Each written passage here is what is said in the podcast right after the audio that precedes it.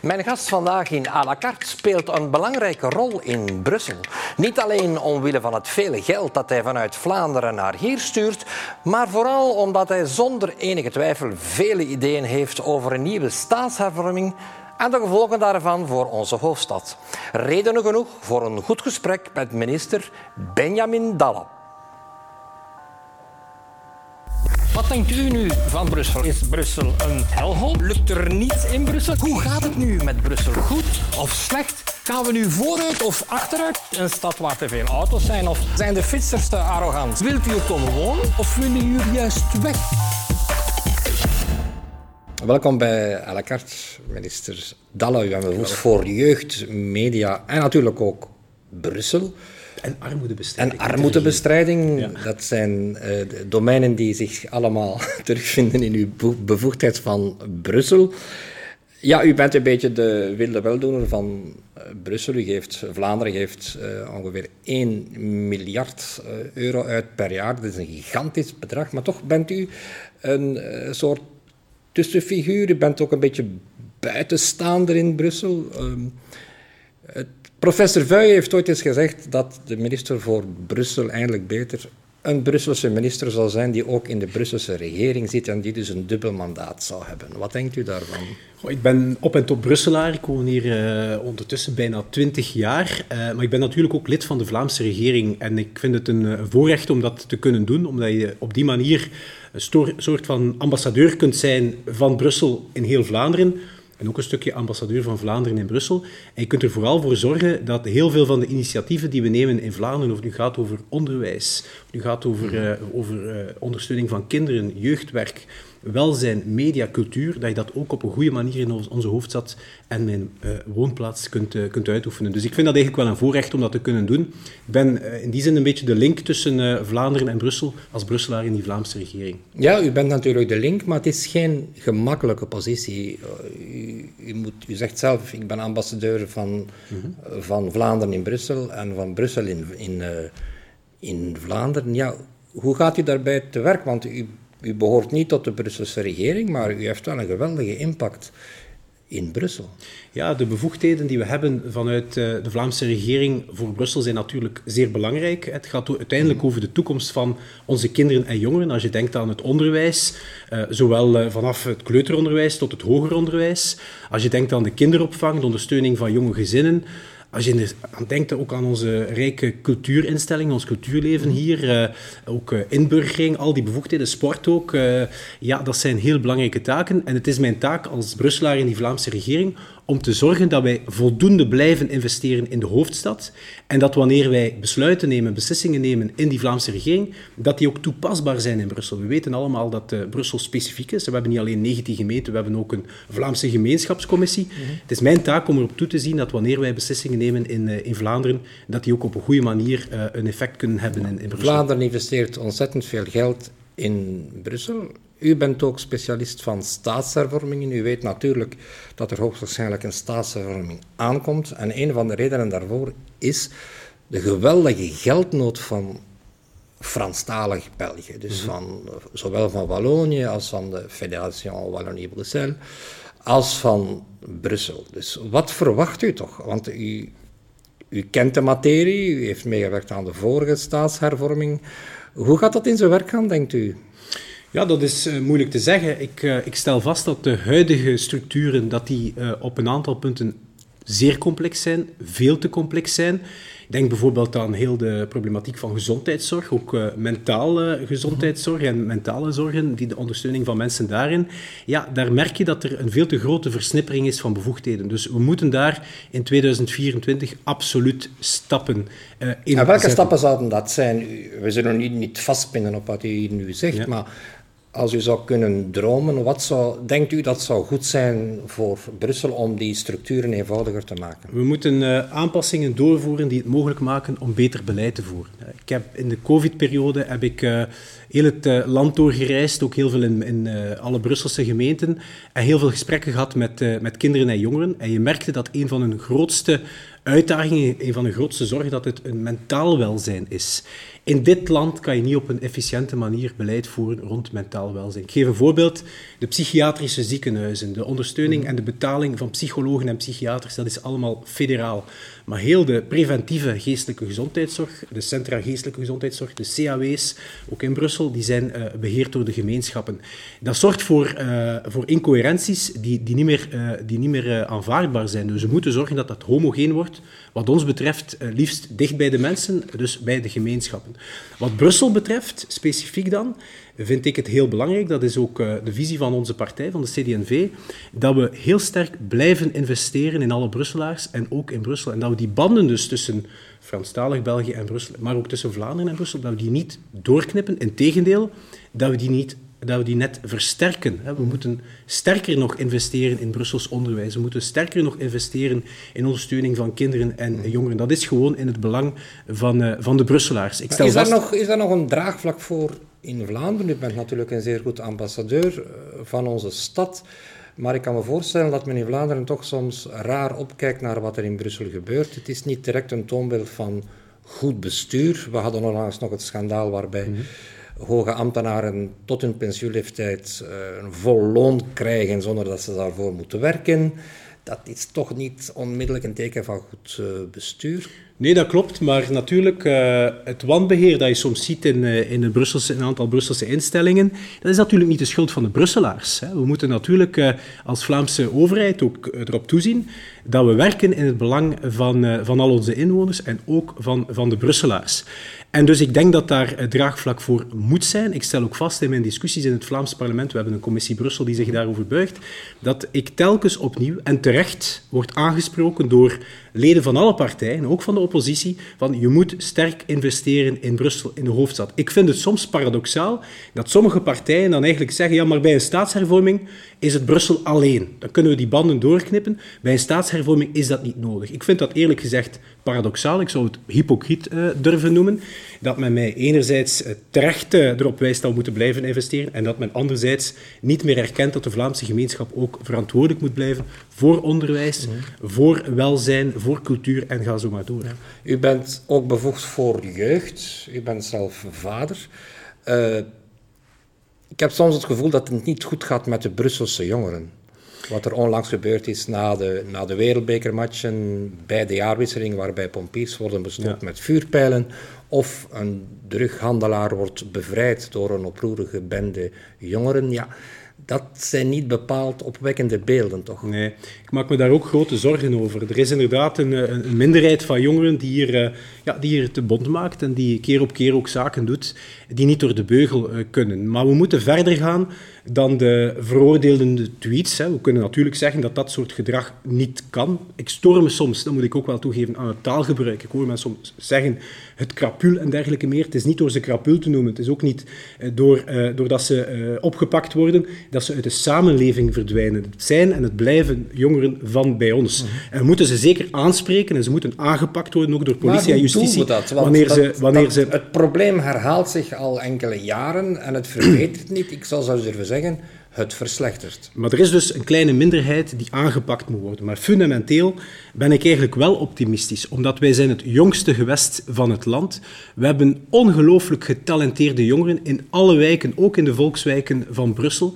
Ik zie ze elke dag in mijn werk in uh, in scholen, ik zie ze in jeugdorganisaties, ik zie ze in de wijken. Jonge mensen, vaak die in het Nederlandstalig onderwijs zitten, die heel erg meertalig zijn, die verschillende talen kennen naast het Frans en het Nederlands, en die vooruit willen in het leven.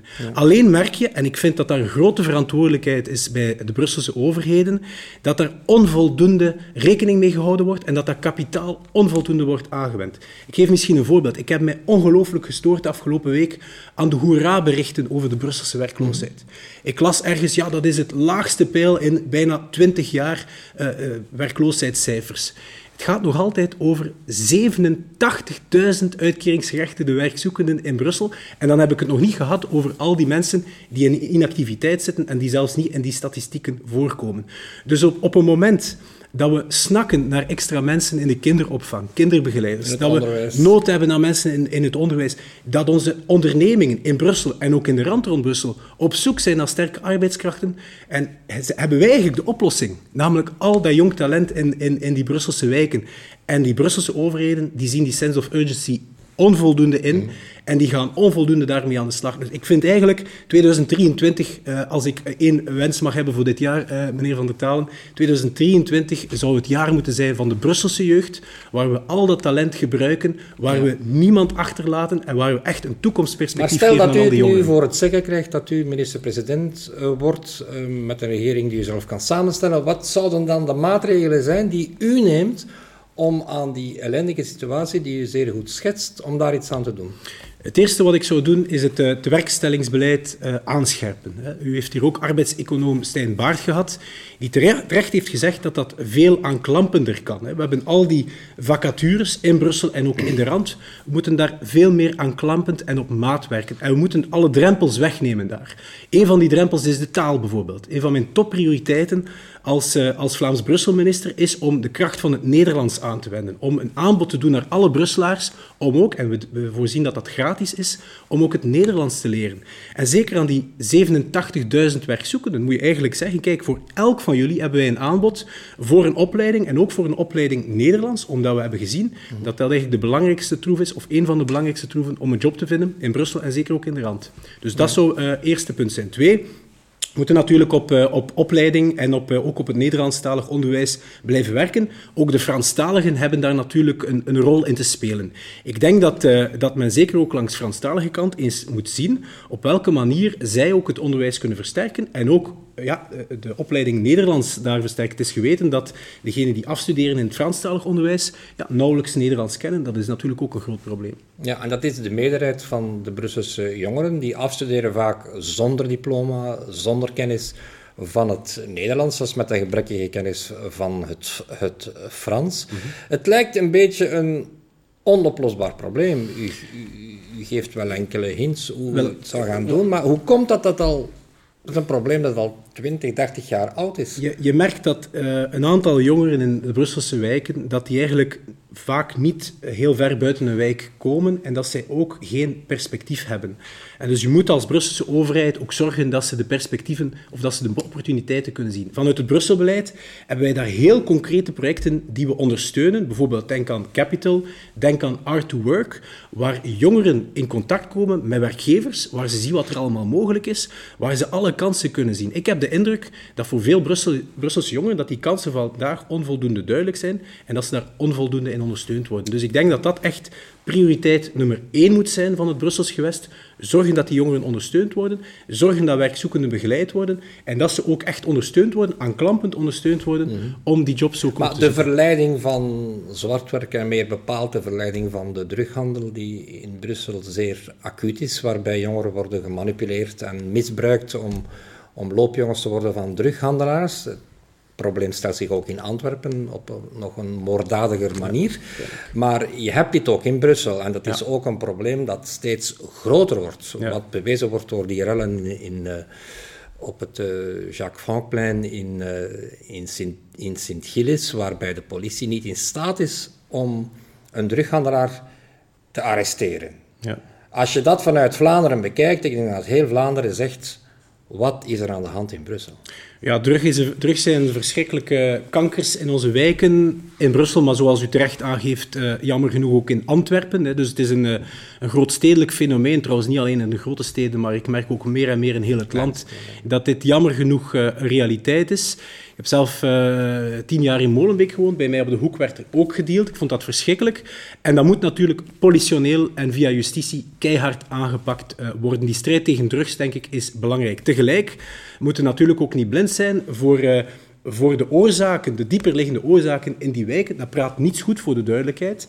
Maar je merkt wel dat jongeren die uh, opgroeien in gezinnen waar bijvoorbeeld geen van de ouders werkt, die zelf dat perspectief niet hebben om een job te vinden, dat die veel gemakkelijker uh, in dat soort uh, criminele milieus Maar hoe kan de overheid daar een rol spelen? U zegt het zelf, vaak zijn dat afwezige vaders, een, een, een, een zeer labiele thuissituatie, met, waar het gezin eigenlijk de perspectieven niet ziet. Want er zijn wel mogelijkheden voor jongeren, maar ze willen ze niet nemen. Hoe? Ja breng je daar in hemelsnaam verandering aan? Er is altijd een eigen verantwoordelijkheid natuurlijk van de mensen in kwestie en van de ouders. Dat, dat spreekt voor zich. Maar je kan als overheid er natuurlijk voor zorgen dat men die kansen ziet en dat men die kansen grijpt. Een deel daarvan is dat uh, aanklampend tewerkstellingsbeleid.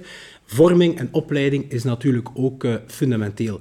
En daarnaast, ik, ik, verwees er al naar, zijn er al die schitterende projecten van organisaties en verenigingen die precies die jongeren perspectief willen geven. Ik merk dat ook in mijn jeugdwerk. Er zijn fantastische jeugdorganisaties, denk aan De Broei, denk aan Yes, die in die moeilijke wijken met jeugdwerkers actief zijn en die echt met vrijwilligers uit de wijk werken. Dat, werkt zeer goed, hè? maar ja. het blijft toch letterlijk bijna vechten tegen de, tegen de bierkaai. Als je ziet dat... Hoe moet het nu verder? De, de politie wordt weggemapt, drie eh, agenten in het ziekenhuis.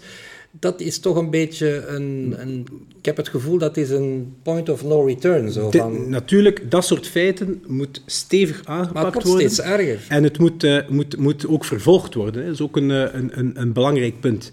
Maar Onderschat niet de kracht van sterke voorbeelden. Wat we nodig hebben zijn voorbeeldfiguren uit de buurt die het verschoppen. En ik zie ze elke dag, ook in het jeugdwerk bijvoorbeeld. Mhm. Jonge mensen die uit de buurten komen die, uh, en die echt een voorbeeld zijn voor heel een buurt. We hebben recent nog de beslissing genomen om het project Samen op straat, dat is een project van samenlevingsopbouw, dat vandaag SAMO heet, dat in Antwerpen is opgestart om samen met, uh, met uh, mensen uit de wijk, met jeugdorganisaties, om eigenlijk een antwoord te bieden aan de uitdaging van de wijk. Het zijn trouwens zij die die menselijke ketting hebben gevormd uh, bij de matchen Marokko-België. Wij hebben nu gezorgd voor subsidiëring, dat dit ook kan uitgerold worden in Brussel. En het zijn dat soort van, van projecten die echt wel, ja, die, die, die ook aan de jongeren tonen van, kijk, er zijn mensen die het verschoppen in onze wijk, die vooruit geraken. Mhm.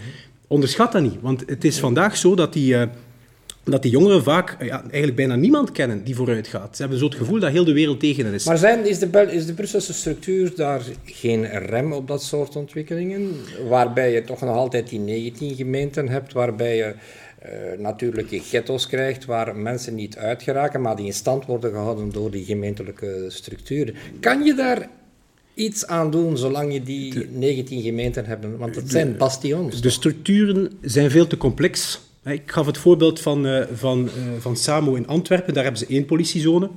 Als je eh, dezelfde coördinatie doet, zij hebben daar één contactpersoon, een fantastische, eigenlijk een sociaal werker bij de politie. Ja, hier moet je dan al met drie politiezones of zelfs tot zes politiezones werken om dat op een goede manier te doen. Dus dat moet minder complex. Eén politiezone, die 19 gemeenten, dat is niet zoals het, zoals het hoort. Maar nou, dat, wat zou u doen? Maar, dat, maar als ik even mag, dat, dat, soort, dat soort complexiteiten mag natuurlijk politici en verantwoordelijken niet weerhouden van hun verantwoordelijkheid vandaag al op te treden. Hè? Want dit vergt grondige institutionele hervorming. Daar gaan we niet op wachten natuurlijk om op te treden. Wat mij een beetje stoort, meneer Van der Talen, is dat er uh, ja, vaak wat moedeloosheid is, vaak wat uh, onvoldoende ambitie. Ik, ik, had het over dat de werkstellingsbeleid, die 87.000 uh, werkzoekenden en al die inactieven, en onvoldoende sense of urgency bij, bij dat hoofdstedelijk gewest om dat ook aan te pakken. Dus Brussel gaat, gaat, gaat, soms een beetje kapot, heb ik het gevoel, aan, aan, dat soort van middelmatigheid, waarbij men onvoldoende de sense of urgency inziet van dat soort problemen. Een gebrek aan ambitie. Een totaal gebrek aan ambitie, totaal gebrek aan daadkracht op het meest essentiële punt, namelijk een toekomst geven aan die Brusselse jongeren. En in die zin, ik ben eigenlijk wel optimistisch. Het kapitaal dat aanwezig is, het talent dat aanwezig is, is vandaag onze grootste troef. Wat is het grootste probleem vandaag in Vlaanderen? Dat is de krapte op de arbeidsmarkt. Zelfs in deze moeilijke periode, met eigenlijk een, een heel zware ja, eh, economische toestand, wij vinden onze bedrijven, onze scholen, onze kinderopvang die vinden geen kwaliteitsvolle uh, mensen. Wij hebben die mensen, wij hebben dat kapitaal. En toch slaagt men er niet in dat te valoriseren. We moeten daar echt alle hens aan dek hebben. We moeten met alle overheden er samen aan werken om die jongeren ook echt die toekomst uh, te geven die ze verdienen. En die een oplossing, uh, op die manier ook een oplossing biedt aan onze bedrijven, aan onze scholen, aan, zo, aan onze kinderopvang. Goed, meneer Dalla, bedankt voor dit aangenaam gesprek. Kijk er volgende week zijn we er weer met à la carte. Ik hoop dat je dan ook kijkt. Dag.